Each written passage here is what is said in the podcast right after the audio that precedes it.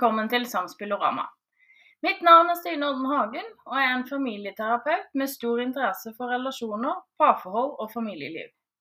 Jeg er nysgjerrig på hvordan ulike livssituasjoner har påvirka samspillet i parforholdet og familieliv. Dagens gjest er en sprudlende og engasjert kvinne.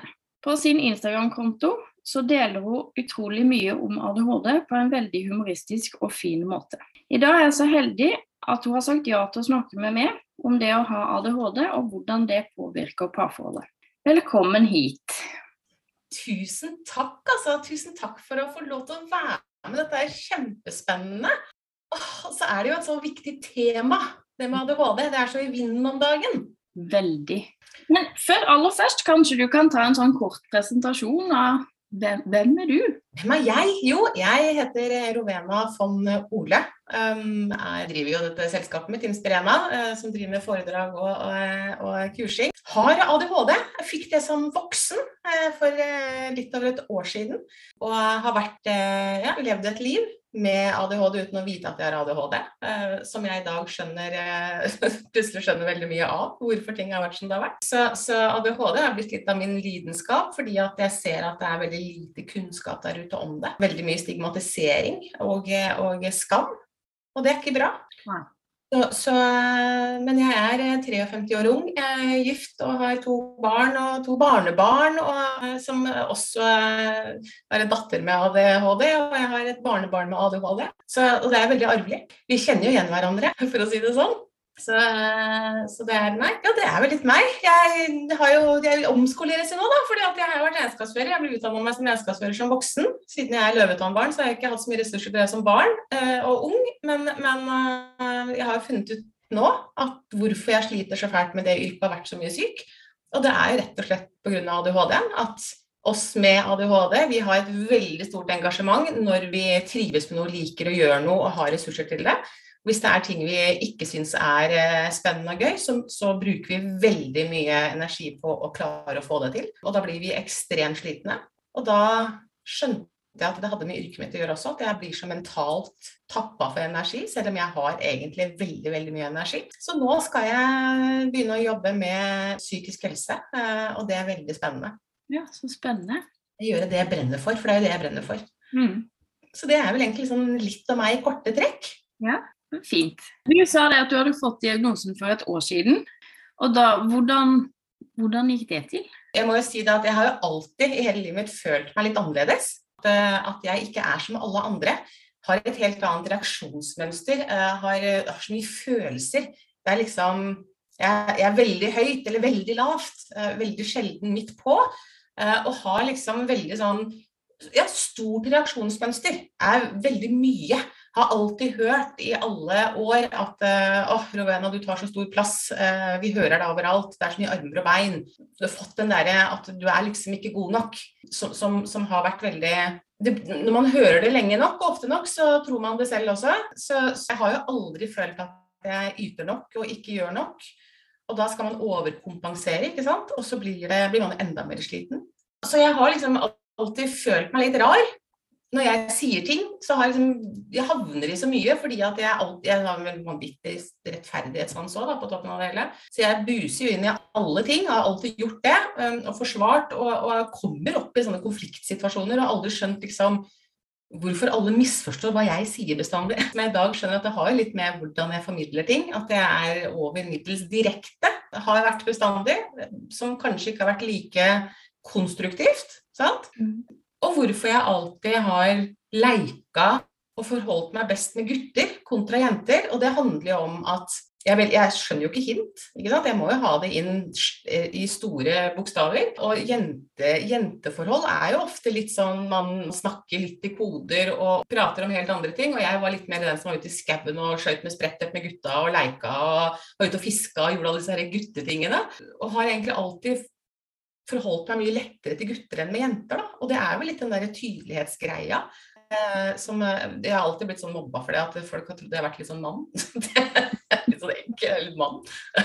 Eh, datteren min, da når hun var 16 år, så, så havnet hun i en situasjon hvor eh, hun har vært mobba i livet sitt. Og, og eh, kom så langt at hun hadde sitt første selvmordsforsøk. Og etter det så havnet hun hos BUP Og så ble hun egentlig utreda for ADHD. Og på noen av de møtene fikk jeg lov til å være med inn. For det er jo sånn i dag at når barna er 16 år, så har du ikke noe rett til barna dine lenger. Sånn sett. Da kan de bestemme. Og når jeg fikk være med henne inn, hvor de snakket med henne, så, var jeg litt sånn Oi, snakker dere til meg? Så det var så, sånn, det traff meg så fælt. Det er sånn, å, det er jo akkurat sånn jeg har det, det er akkurat sånn jeg føler det. Og fra den gangen så var jeg litt sånn, har jeg ADHD? Men så har vi den flåste til at alle har litt ADHD. Og det, det, kjenner jeg at det sier jeg jo ikke lenger, for alle har ikke det. Enten så har du det, eller så har du det ikke. Og så i 2019 så gikk jeg inn i en, en situasjon hvor jeg traff veggen ordentlig. Eh, og havnet i, i dyp depresjon og angst og utbrenthet. Og da utredet jeg meg for ADHD. For det er jo også en konsekvens sant, av, av, uoppdaget ADHD, er at man, spesielt jenter, havner i det med depresjon, og man blir veldig, veldig mentalt sliten.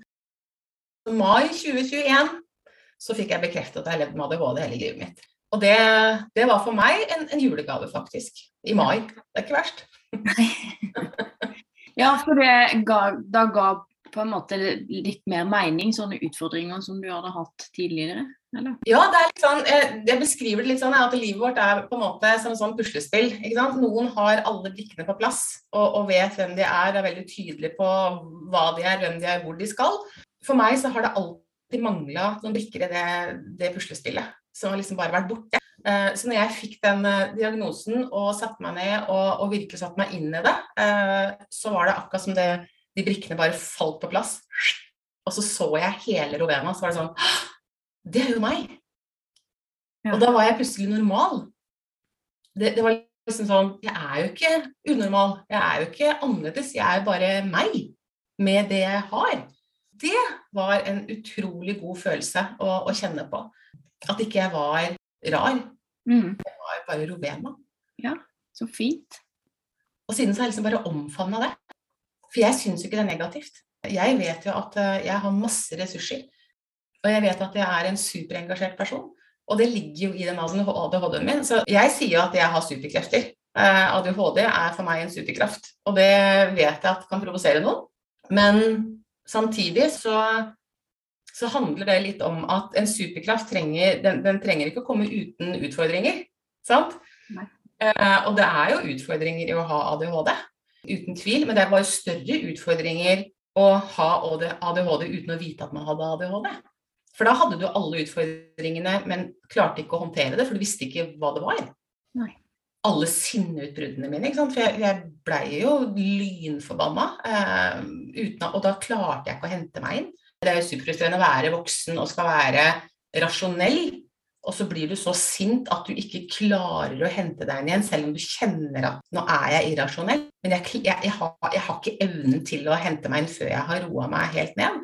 Og der kommer den der superheltgreia inn, fordi at man har hørt om hulken. Eh, Bruce Banner, så var jo han en sånn når han blei sinna, så blei jo han hulken, ikke sant. Og da var det litt sånn armer og bein, og han velta rundt, og, og, han klarte ikke å komme tilbake igjen til seg før han roa seg ned. Og det er akkurat som det er ADHD. Ja. Hulken og jeg, vi har ADHD.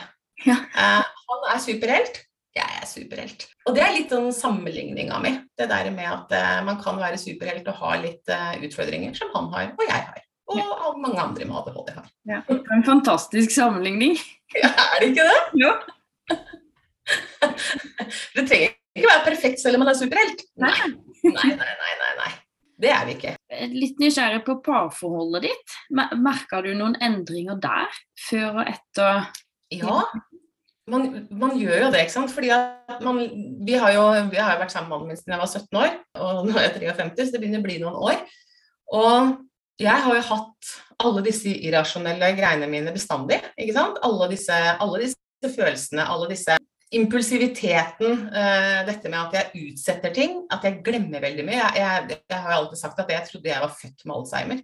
For jeg, jeg, sier jo ikke 'glemme' eller jeg sier at jeg husker det bort, for det syns jeg høres mye finere ut. Nei, det har jeg husket bort. Og det, og det, er frustrerende. Og jeg merker det, jeg har alltid merka det spesielt på ting jeg syns er kjedelig. Eh, eksempelvis husvask. Jeg hater husvask. Eh, og, og jeg sier jeg skal gjøre det. Ikke sant? Det, ja, men det skal jeg fikse. Og så kommer dagen etterpå, så skal jeg fikse det, og så glemmer jeg det. Ja. Og mannen min har jo alltid trodd at jeg gjør det med vilje. Og så jeg, har jeg blitt veldig sånn frustrert, for jeg gjør jo ikke det med vilje. Og så har det blitt en gjenstand for veldig mye negativitet da. og krangler, rett og slett. Og, og dette med at jeg er veldig følsom. Ikke sant? Jeg, jeg, er veldig høyt og lavt. Jeg er kjempeglad, eller så er jeg kjempesint, eller så er jeg kjempelei meg. Det er ikke sånn jeg er litt lei meg. Det er, det er åh, veldig mye. Og når man ikke vet hva det er, da, så bare er det der. Mm. Og så har vi jo, for meg som, som da har, har, gått gjennom det livet jeg har, med, med å være løvetannbarn og plutselig stå på egne bein og ta vare på meg selv, og ta vare på storesøster og, og mamma og alle de tingene der sånn, så, så jeg, ble jeg en sånn kjempefighter. ikke sant? Jeg blei en sånn, sånn, ordentlig hard nøtt.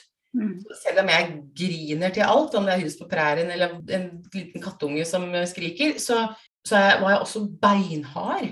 For det måtte jeg være for å på en måte komme meg gjennom ting. Og, og, og det er klart, det er vanskelig å forholde seg til for andre også.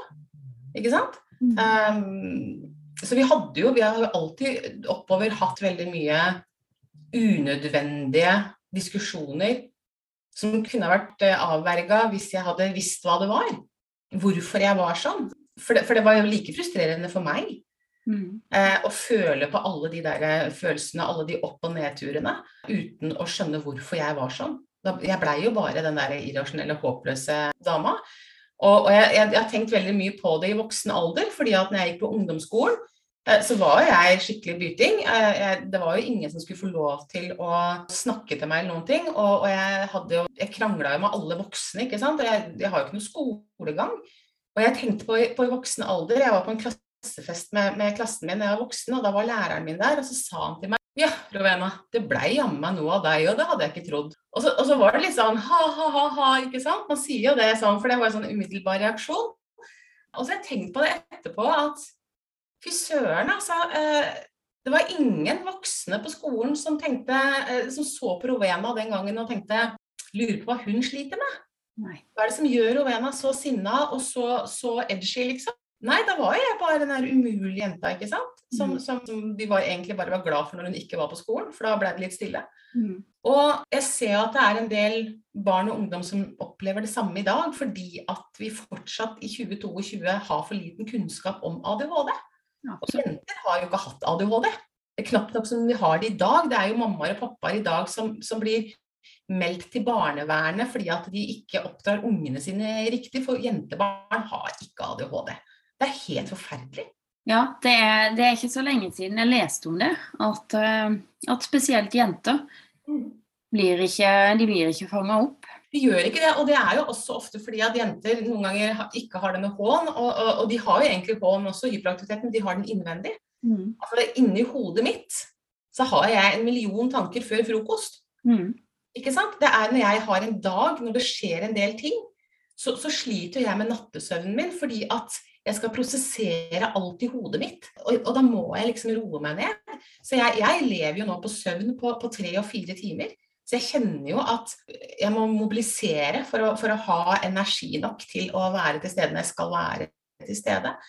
Og jeg tenker at barn som går på skolen som skal lære noe hver dag, som skal være våkne, skal være til stede hele tiden, og så går du som en jente med så mye inni deg, det er ingen som lytter til deg. Og jenter får ofte det med depresjon, med angst, det følger ofte en del andre diagnoser ved siden av, og så er det ofte en del feildiagnoser. At jenter får masse andre diagnoser som, som de ikke har. Jeg har snakket med, med, jenter som har gått på en skopp medisiner for, for diagnose som, som, de ikke hadde engang. Så har de egentlig i gåseøynene bare ADHD. Og, og det er statistisk stat, Det er veldig vanskelig ord. Statistisk sett så er det jo jenter med ADHD har lettere for å havne i depresjon med selvskading og selvmordsforsøk. Så vi må faktisk ta det på alvor.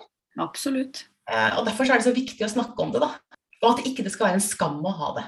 Mm. Verken for de barna som har det, eller foreldre skal heller ikke skamme seg over barna sine. At nei, ungen min har ikke ADHD, så den skal ikke, den skal ikke på noen medisiner eller noen ting. Og da tenker jeg, skal vi ikke ha det bra, da?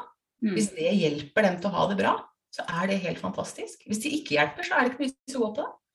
Så, så, hverdagen min etter at jeg fikk greie på at jeg har ADHD, ble helt annerledes. Ja. For det handler om kunnskap. Mm. Det å lære oss om vår egen diagnose. Ikke fordi at man skal lene seg til den og si nei, jeg har det, jeg skjønner du, så jeg kan ikke gjøre det og det. Det er helt det motsatte. Jeg har ADHD. Jeg vet at det og det og det er mine utfordringer. Men jeg vet også at det og det og det er mine styrker. Da kan jeg satse på det. Så kan jeg bruke styrkene mine istedenfor å gå rundt og ikke vite hva jeg skal gjøre. Mm. Og kaste bort mange år på et yrke som du egentlig ikke passer inn i. Mm. Og det er jo en kjempefin eh, lærdom å ha, tenker jeg. At man kan virkelig gå inn i dette her er jeg god på, hva kan jeg da bruke det til? Nemlig.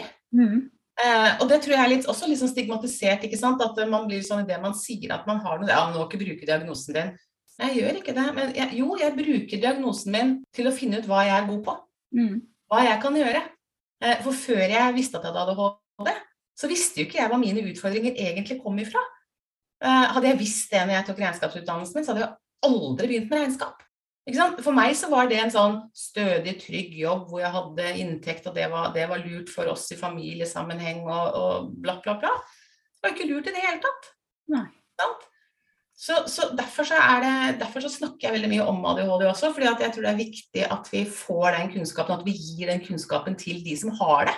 Mm. At de også kan gjøre det samme som meg. da, Finne de positive tingene i det. da, Og bruke det istedenfor å dyrke det som ikke er bra.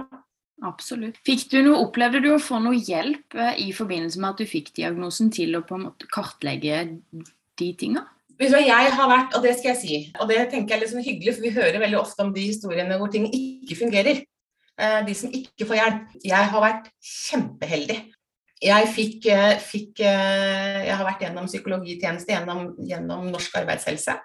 Og det var egentlig der vi, sammen med han, jeg fant ut at det med, med regnskapsyrket og ADHD, hvor vi skjønte at det, det, er, det er jo bakgrunnen. Eh, og, og jeg, var, eh, jeg var kjempeheldig. Jeg kom inn på DPS, og, og eh, de prøvde å, å gi et avslag først. Etter at jeg hadde fått diagnosen i forhold til medisinering og, og sjekke opp det. Men jeg har en veldig oppegående fastlege, og det er man litt avhengig av å ha. En fastlege som faktisk tror på deg, som lytter til deg og tar deg på alvor. Det er dessverre en del fastleger som ikke gjør det. Eh, som ikke er interessert i å høre om ADHD. Jeg vet det er veldig mange mennesker som, som må, må gå og ta den utredningen privat, som koster ganske mye. Um, men hun var så våken at når jeg fikk det avslaget, for det var sånn Nei, men hun fungerer jo, er på jobb og alt. Hvor hun svarer, legen min svarer at eh, hun har aldri fungert. Hvis du ser på statistikken hennes hvor mye hun har vært syk med, så fungerer hun jo ikke i det hele tatt. Uh, og da kom jeg inn og, og um, fikk den utredningen og, og begynte på medisiner. Og jeg var veldig negativ til medisiner i utgangspunktet. Jeg skulle ikke ha medisiner. Jeg hadde kjempe jeg, veldig, altså, Nå er jeg veldig ambivalent til medisiner generelt, fordi jeg vokste opp med, med rus rundt meg. Så, så jeg var veldig negativ til det. Og så hadde jeg en arbeidskollega som, som eh, har en sønn som har hatt ADHD i livet sitt, og så sier hun til meg men Rovena, vil du ikke ha en bedre hverdag? Hvis det virker. For hvis det ikke virker, så kan du bare slutte på det igjen. Men hvis det gir deg en bedre hverdag, er, ikke, er ikke det godt? Uh, så tenkte jeg jo, det er det faktisk. Jeg fikk jo en bedre hverdag. Uh, jeg måtte by- bytte medisintype, men det er jo litt sånn underveis. Og det er også fordi at her i Østfold, hvor jeg bor, eller ja, gamle Østfold, så, så fikk jeg tilbud om et kurs som heter Pegasus-kurs, som eh, som egentlig alle, alle kommuner og fylker skal ha. Men dessverre så er det ikke alle som har det, så jeg har lært at ikke alle har det samme tilbudet. Eh, Men det var et kurs som gikk over åtte kvelder, eh, hvor, som er for de som har fått ADHD. Og du kan ha med deg enten partneren din, eller hvis du er en ung voksen, eh, foreldra dine, for dette er for voksne.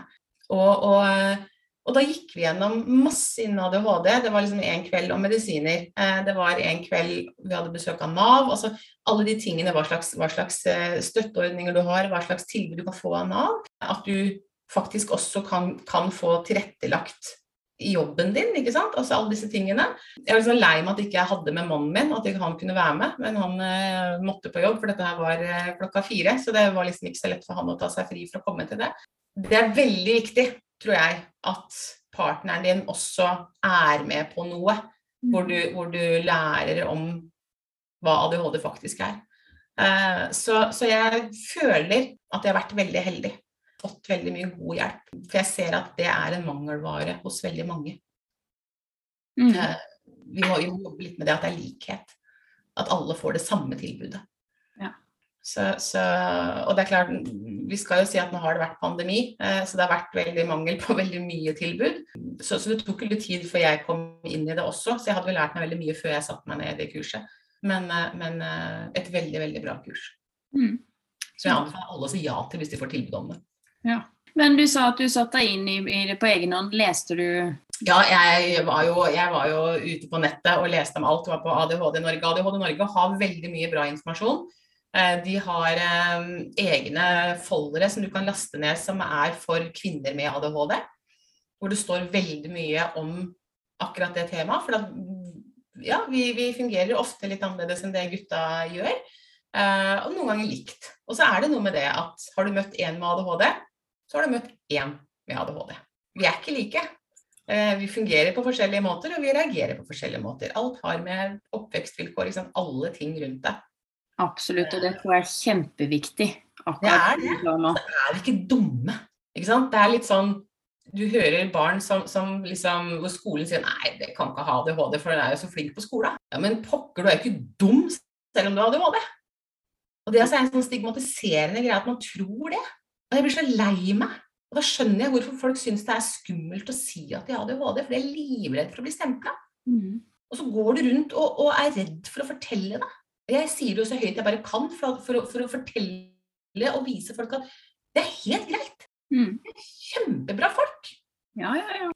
Og det er, det er utrolig viktig òg, tror jeg, å være den stemmen som på en måte er liksom motvekten til Mm. all den skammen og alle de fordommene. Mm. Det tror jeg jo. Og det handler om tankesettet vårt, altså. Hvordan vi ser på ting. Mm. Eh, Alt kan være dritt hvis vi tenker dritt, men det kan bli innmari bra hvis vi tenker bra. Så, så, eh, så det er målet mitt, er å løfte det til og at vi skjønner at det er ressurser i det. Vi må bare bruke de riktige ressursene. Ja, så bra. Mm. Men, eh, men din mann, da? Eh, satt han og leste seg opp på ADHD, eller fortalte Han har nok han har lest eh, en del. Jeg sendte han jo det, det heftet eh, om voksne jenter med ADHD. Og, og, eh, og han sa jo det altså sånn før og etter den lesningen. Eh, så han jo på meg på en helt annen måte. Alle de tingene som, som han alltid har irritert seg på meg, det der med å glemme ting, ikke sant. Eh, med vilje, som ikke har vært med vilje. Og, og eh, alle disse humørsvingningene mine og, og impulsgreiene mine, for jeg er veldig impulsiv. sant? Um, og, og, og det at han på en måte kan snakke til meg når jeg sitter for eksempel, og hører på noe eller ser på TV, han snakker til meg, så hører jeg jo ikke han, for jeg har jo stengt han ute. Jeg får det jo ikke til. Uh, og irriterer seg over alle disse tingene. Så, så, så så han plutselig at mye av det lå i diagnosen. Så han fikk nok en annen forståelse. Men samtidig da, så har vi bodd sammen i så mange år at det krever jo en endring hos han nå, ikke sant? Én ting er å forstå der og da, en annen ting er å forstå det hele veien. Så, så, så jeg anbefaler jo, og det, det, har jeg tenkt på for vår del også, eh, å ta et sånt, for det fins, eh, jeg tror ADHD Norge som, som, også har en del av de kursene, litt sånn kurs om for par. Mm. Jeg har holdt foredrag for ADHD Norge på noen sånne, sånne seminarer med, med, foreldre og barn, eh, hvor barna har ADHD og noen foreldre har ADHD. Hvor, hvor jeg snakket med, med foreldrene. Da. Og det tror jeg er så viktig. Eh, å få den der kunnskapen ved siden av. Eh, ikke bare fra den du er sammen med. at det er jo litt sånn Vi kan jo snakke om ting her hjemme, og så når ikke min mann fram til meg, så kommer det ei venninne eller en annen og sier det samme, så når den fram. Ikke sant? For det er ofte at når den du bor sammen med snakker, så ser du munnen røre på seg, men du orker ikke å høre så mye på hva som kommer inn bestandig. Så jeg tror ofte at man trenger de impulsene utenifra. Mm. Og få det litt sånn Få det litt inn under huden. For jeg har skjønt at de kursene også er litt sånn at man splitter den med ADHD, den uten ADHD, og så får de hver sine timer, da, sånn at de, de får lov til å snakke ut de som er pårørende òg, For det er, det er, jo noe med det. Det er vanskelig å være pårørende til alt òg. Å sette seg inn i alt og forstå alt. Jeg har vært pårørende på, for masse rart gjennom livet mitt og, og syns det, det, er kjempevanskelig. Så, så, pårørende trenger også hjelp uansett hva det er. Ja, enig. For det, det handler jo om, du var inne på det, det å skulle endre Altså én ting er logikken. At man skjønner at ja, nå har jeg kunnskapen, og det er grunnen.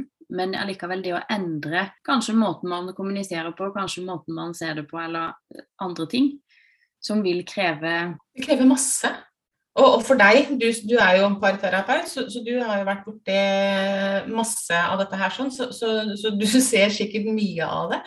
Eh, og det er jo noe med det at vi, vi blir jo gode på det vi gjør mye. Mm. Og hvis man er, har gjort de samme handlingene Jeg ser det på meg sjøl, jeg har endra masse mønster. Du kan bli god på å være selvdestruktiv også. Og når du skal endre det, så, så krever det at du må gjøre den motsatte handlingen veldig, veldig mange ganger for å viske ut den gamle og lage den nye. Eh, og sånn er det for en pårørende òg, ikke sant. Eh, man er så fast i det mønsteret på at man reagerer på de tingene, og så skal man plutselig ikke gjøre det. Så krever det en endring mm. eh, som, som, eh, som eh, man må gjenta mange ganger. Og det er så lett å havne tilbake igjen i de mm. gamle mønstrene. Jeg tror ofte at man har behov for hjelp uansett hvor mange brosjyrer man leser, egentlig. Og spesielt, spesielt da, som sagt, for en pårørende som står ved siden av som ikke kjenner deg på kroppen. Mm. Som bare skal forstå. For det er jo det en pårørende gjør, den skal bare forstå. Mm. Og det, eh, og det har jeg tenkt mange ganger som pårørende. Jeg har bare fått datteren min mobbing og alt det. Hvis noen bare kunne kommet og hjelpa meg til å få meg til å forstå og kanskje hjelpe meg hvordan jeg skal håndtere det på best mulig måte. For det er vanskelig å skulle være eh, mamma og psykolog, og du skal stå og kjempe med hele systemet, og du skal gjøre alt, alt. Og det er kjempevanskelig. Noen ganger så har man bare lyst til å være mamma eller pappa eller kjæreste eller hva som helst, og ikke måtte ta alle de andre tingene rundt da, som, som, som er veldig krevende, og som tar mye energi. Og så har man kanskje ikke energi til å være kjæreste lenger. Nei. Eller være mamma, eller hva som helst. For det er krevende. Det er krevende å være mamma til en med ADHD sikkert også. Sant? Mm. Så, så, kunnskap er eh, så viktig. altså Man sier kunnskap er makt, men jeg liker ikke ordet makt. Eh, jeg syns makt er et sånt negativt lada ord. Eh, men, men, jeg tror kunnskap skaper positivitet, da. Mm. Veldig enig. Så, så, så mitt, mitt, mitt, store til de som på en måte har som, som finner ut at jeg har ADHD, det er veldig mye kvinner i dag som får ADHD-diagnose. Og det er det jo veldig mange som drar til en sånn Å, er det moderne nå, har blitt mote å få ADHD? Nei, det er ikke det, men før så hadde ikke jenter ADHD. Så det er så mange som har levd med ADHD. For du ser jo de kvinnene som får det i dag, er jo alltid fra 20 og opp til 50-60, ikke sant? Fordi at vi hadde jo ikke ADHD. Eh, og nå finner man ut at vi har jo hatt det hele livet. Mm. Eh, og så er det noe med at ADHD også slår ut forskjellig ut ifra hvor du er i livet ditt også. Så, så, så, så, det er derfor det er så mange som får det. Og da tenker jeg at da er det veldig mange forhold som får det òg. Ja. eh, og så er det, tror jeg det er viktig for oss som får ADHD også, å ikke drukne så fælt i ADHD-en vår at på en måte vi, vi tror at det er forklaringen på alt, og da er alt greit. For nå har jeg ADHD, og da er jo det grunnen til at bla, bla, bla, bla, bla. Men vi må jobbe for det, vi også. Eh, og, og eh, jobbe sammen med partnerne våre om det, sånn at de også lettere kan forstå det. Mm. Eh, hvorfor det er sånn. Og så må man jo finne gode verktøy. Hvordan kan jeg nå jobbe med å få de rutinene som jeg aldri har klart å få inn? Jeg er jo skikkelig dårlig på rutiner. Jeg, jo, jeg er jo ekstremt god på å lage planer, men jeg er jo helt elendig på å følge det opp. Jeg skal være eneste kveld, jeg gjør det i morgen, og så glemmer jeg det. Og så utsetter jeg det, og så rekker jeg det ikke. Og det er jo noe som er positivt med å få, den, få bekreftet den diagnosen når man har den, er at man plutselig kan få de riktige verktøyene mm. ut ifra den diagnosen man har. Ikke bare ut ifra noe man ikke vet hva er. Mm. Så, så, så, så, jeg føler jo litt sånn For oss, da, så har det liksom blitt litt sånn å bli litt kjent med hverandre på nytt. Lære hverandre litt altså Han må lære meg litt å kjenne på nytt med de tingene jeg har, og lære seg å håndtere meg på en litt annen måte. Og jeg kommuniserer jo også på en annen måte. For når jeg kjenner hulken nå i magen, og jeg har lyst til å bare eksplodere, så klarer jeg nå å ta en timeout og si at nå trenger jeg faktisk fem minutter. Ikke sant? Og da gir han meg de fem minuttene. Det gjorde han ikke før. For da skjønte han ikke hvorfor jeg skulle ha det. Nå så, så, skjønner han det. Så, så, sånn eksempelvis eh, på lørdagen så skulle vi i et bryllup, og da skar alt seg for meg fra morgenen av. Jeg liksom satt med bilen, så rakna strømpebuksa mi, og så masse sånne ting som skjedde. Eh, og så sitter jeg i bilen, og så åh, jeg hadde glemt å ta på parfyme. Og da var det sånn Gud, jeg kan ikke klemme noen, jeg kan ikke gå nær noen, jeg kan ikke gå i kirka, det lukter ikke vondt av meg. Jeg fikk jo alle disse her følelsene. Og da kjente jeg at nå begynner jeg å grine. Da blir jeg helt sånn der, da går jeg helt ut av meg sjøl. Og så var han litt sånn stressa og, og liksom småaggressiv i tiltalen. Eh, hvor jeg sa du hva, nå må vi stoppe, ellers så blir det her en kjempegreie.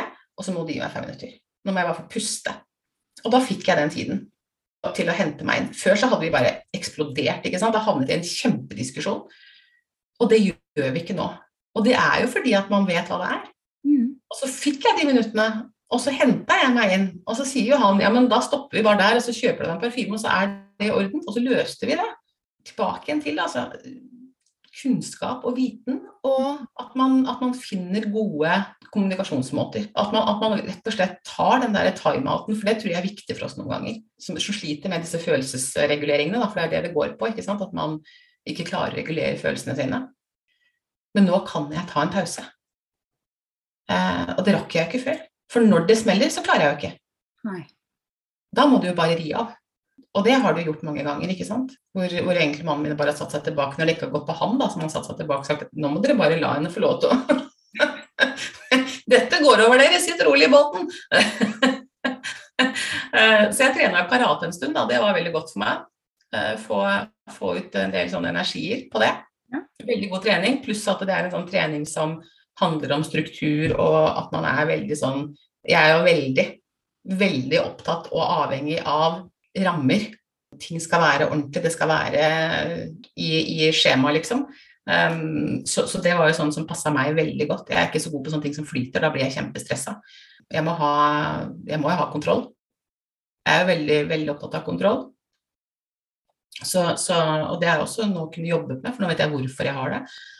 Så, så det bunner i kunnskap, Stine. Ja. Det gjør det, altså. Både for partner og, og deg selv. Ja, absolutt. Og du har jo allerede snakka en del om det, at man, man går inn i mønsteret. Og, og, som du sier, før du fikk diagnosen, så havna dere inn i et mønster. Ble diskusjoner kanskje litt mm. sånn. Og etter eh, diagnosen så vet man litt, og da kan man legge til rette for å endre mønsteret. Mm. Det er det, og det, jeg tenker det er, jo, altså, det er jo ikke noe annet enn at det gir deg en bedre hverdag. Du får en, en, eh, en, større verdi av hverdagen din, eh, en større glede av hverdagen din fordi at du skjønner hvorfor du gjør ting. Og idet du skjønner det, så kan du gjøre noe med det. Eh, og det tenker jeg er en fantastisk greie. Det syns jeg det er helt magi for meg. Og, og derfor så har det jo, som jeg sier, også blitt sånn at det er det er positivt. Og jeg tenker at diagnoser altså Misforstå meg rett nå, for det er ikke alle diagnoser som er positive.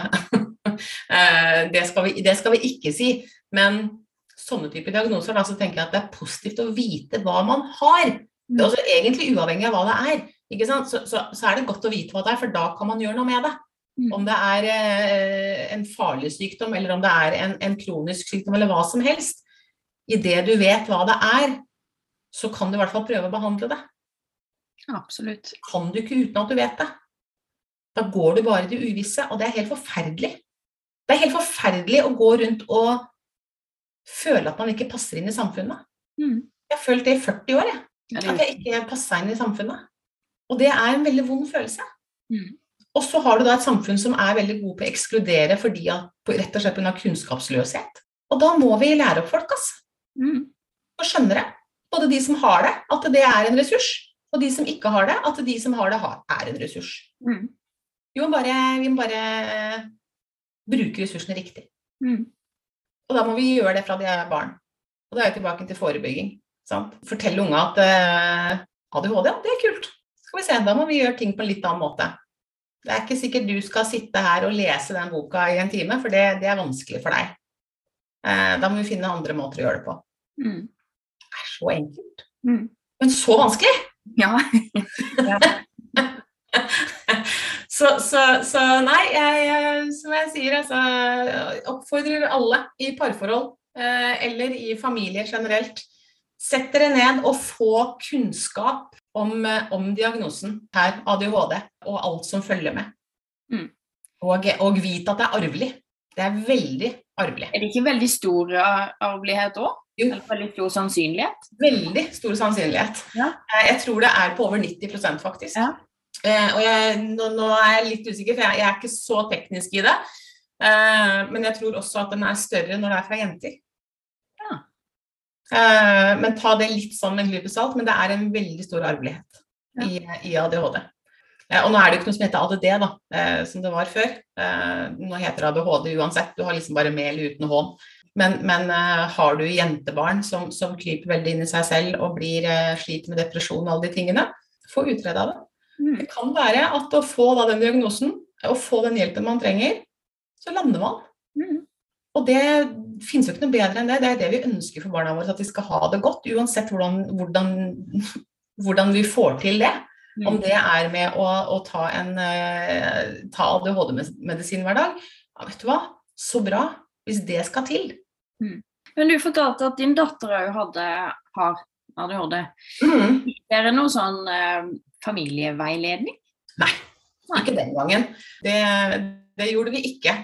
Eh, nå er det en del år siden, hun er jo godt over 30 år i dag. Så, så, um, og jeg ser jo sønnen hennes har eh, også ADHD. Um, skal gjennomgå en del ting i forhold til det. Så jeg, det blir spennende å se hvordan, hvordan det fungerer. Men, men eh, der ble det liksom sagt at han er så flink på skolen. Ja, det er fint. Så, så, så vi fikk ikke det. Og ADD var liksom bare en sånn liksom-ADHD den gangen også. Mm. Og det var ikke noe, det var ikke noe, det var ikke noe snakk om det den gangen heller, at det, med jenter hadde ADHD. Eh, og i den eh, som hun var i, da, med, med mobbing og alt det hun var igjennom, og selvskading og alt, så er også det noe som er vanlig for, for jenter med ADHD. Men det var jo, det var jo ikke Ingenting av det ble snakket om i, i det. Og det er jo tilbake til det sant. At tenk deg så mye lettere det er å styrke barn enn det er å reparere voksne. Eh, For det tar så mye lengre tid når du går med det til du blir voksen. Det har hun gjort òg, ikke sant. Ja, all den frustrasjonen og alt det innvendig som vi kunne ha unngått Mm. hvis vi hadde tatt tak i det. Men jeg syns jo fra da til nå, så syns jeg utviklingen og kunnskapen burde ha vært mye større. Det er eh, fortsatt veldig lite kunnskap ute blant eh, dessverre også skolesystemet om ADHD. Mm. Og der går det vel en del på penger og altså Mm. ressurser og ansatte og i det hele tatt. Mm. Men det er jo sånn, gutter med ADHD ikke sant, havner oftere i rus, i kriminelle miljøer.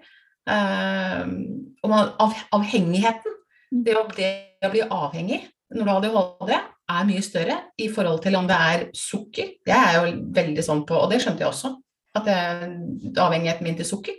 Spilling, om det er alt fra telefonspilling, ikke sant, som koster småpenger, til, til å bli ordentlig sånn spiller og bruke masse, masse penger. Så, altså, og rus, alkohol, narkotika er, Du er lettere utsatt for det eh, med ADHD fordi at du er, blir, eh, det har med dopamin i kroppen din å gjøre. At du har mangler på det. Og da er du ute og jakter på en form for spenning, en form for kompensasjon for dopaminmanglet. Så, så, og det handler jo da om forebygging. Hvordan kan vi passe på at ikke ungdommene våre havner ut i det? Mm. Og, og da tenker jeg at det må være mye enklere enn å ta det når de havner der. For det krever jo mye mer, også samfunnsøkonomisk. Mm. Ikke bare for personen som står i det, men samfunnsøkonomisk. Det koster jo sykt mye å bruke Altså vi bruker enormt mye penger på psykiatri, eh, kriminalomsorg og alt i dag. Så hvis vi kan forebygge det, så sparer vi på det òg. Både på menneskeliv og på, på ja, eller samfunnsøkonomisk. Mm. Absolutt. Er det ikke alle som er like fornuftige som meg, da. og Derfor er jeg så glad for at vi faktisk i dag også har funnet verdien av oss som står i ting i forhold til å bli erfaringskonsulenter. Mm. Eh, Jeg skal utdanne, meg til erfaringskonsulent. Det finnes en utdannelse på det nå, på fagskole. Hvor man ser verdien av det det er å ha levd et liv i ting. Eh, hvor mye vi ser det praktiske kontra en som bare har teorien. Da. Så, så, så tenker jeg at det er superbra. Det er skummelt. Det er veldig mange som har den uh, helsefaglige bakgrunnen som syns det er veldig skummelt at det skal komme sånne som meg, som skal vite bedre enn de. Jeg gjør jo ikke det, jeg bare vet det på en annen måte. Mm. Jeg har stått i det. Og det tror jeg er uvurderlig kunnskap. Jeg er helt enig. Jeg tror det er kjempe, kjemperessurs. Det mener jeg jo, og den, den må vi bli der, der, har vi en liten jobb å gjøre. Det er å snu et tankskip. Eh, heldigvis er det noen ledere enkeltsteder som er veldig opptatt av det, og det er veldig mange som ikke er det ennå. Men jeg tror vi er i en sånn generasjonsskifte på det, hvor vi ser verdien av eh, de som har levd livet. Mm. At vi da kan få, for jeg, for jeg tror det er veldig mange gode intensjoner om opplegg, men når du ikke har peiling Det blir litt sånn at en arkitekt eh, kan godt tegne et kjøkken, men det er kokken som veit hva som fungerer. Ikke sant? Så, så, og da må de snakke sammen. Og Sånn tror jeg det er med oss også. Og sånn er det helt ned til det nitty-gritty. Om det er et forhold også, så må begge to sette seg inn i diagnosen. Mm. For at man skal kunne jobbe sammen og fungere sammen på best mulig måte. Tror jeg. Ja. Jeg er helt enig med deg. Glad når folk er enige med meg, det syns jeg er så deilig. så hyggelig. Da har jeg sagt noe som er klokt, når noen er enig med meg. Kunnskapen, Stine. Det er bra du er med på å gjøre det. Det takker jeg deg for. Takk, og takk til du for at du på en måte bidrar med det som du kan så mye om. Ja, tusen takk, altså. Det... Vi får bruke stemmen, vi som har den, og jeg har skjønt det når jeg nærmet meg over 50, at det er, der jeg har, det er der jeg har mine ressurser. Det er formidlingsevnen min, og det er derfor jeg begynte med foredrag og, og komme meg ut og snakke om det, det jeg har, det jeg brenner for. For det er jeg god på. Mm. Og der kan jeg gjøre en forskjell. Og der skal jeg gjøre en forskjell. Så, så det er veldig spennende. Livet, altså. Kjempegøy. Ja. så ADHD er bra. Ja. ja. Sånn helt til eh, slutt. Mhm. Hvis det er noen, eh, et tips eller råd du ville gitt, hva ville det vært? Det største tipset eh, som har snakket om egentlig nå under hele programmet, er kunnskap. Det er eh, raushet, respekt og aksept. Å vite at ved å løfte og gi kunnskap, så bedrer vi hverdagen til de som går gjennom det. Ved å prøve å gjemme det, så gjør vi den verre. Så, så jeg tror det å, å, stå i sammen, det er noe som heter det, vi er sterkere i sammen. Mm. Stå i sammen, få kunnskap. Begge deler, ikke bare den som har det, men den ved siden av. For det er to forskjellige kunnskapsdeler. Og rett og slett forståelse. Og at det tar tid. Man må ha litt tålmodighet. Eh, men gå ut og, og meld dere på noen kurs.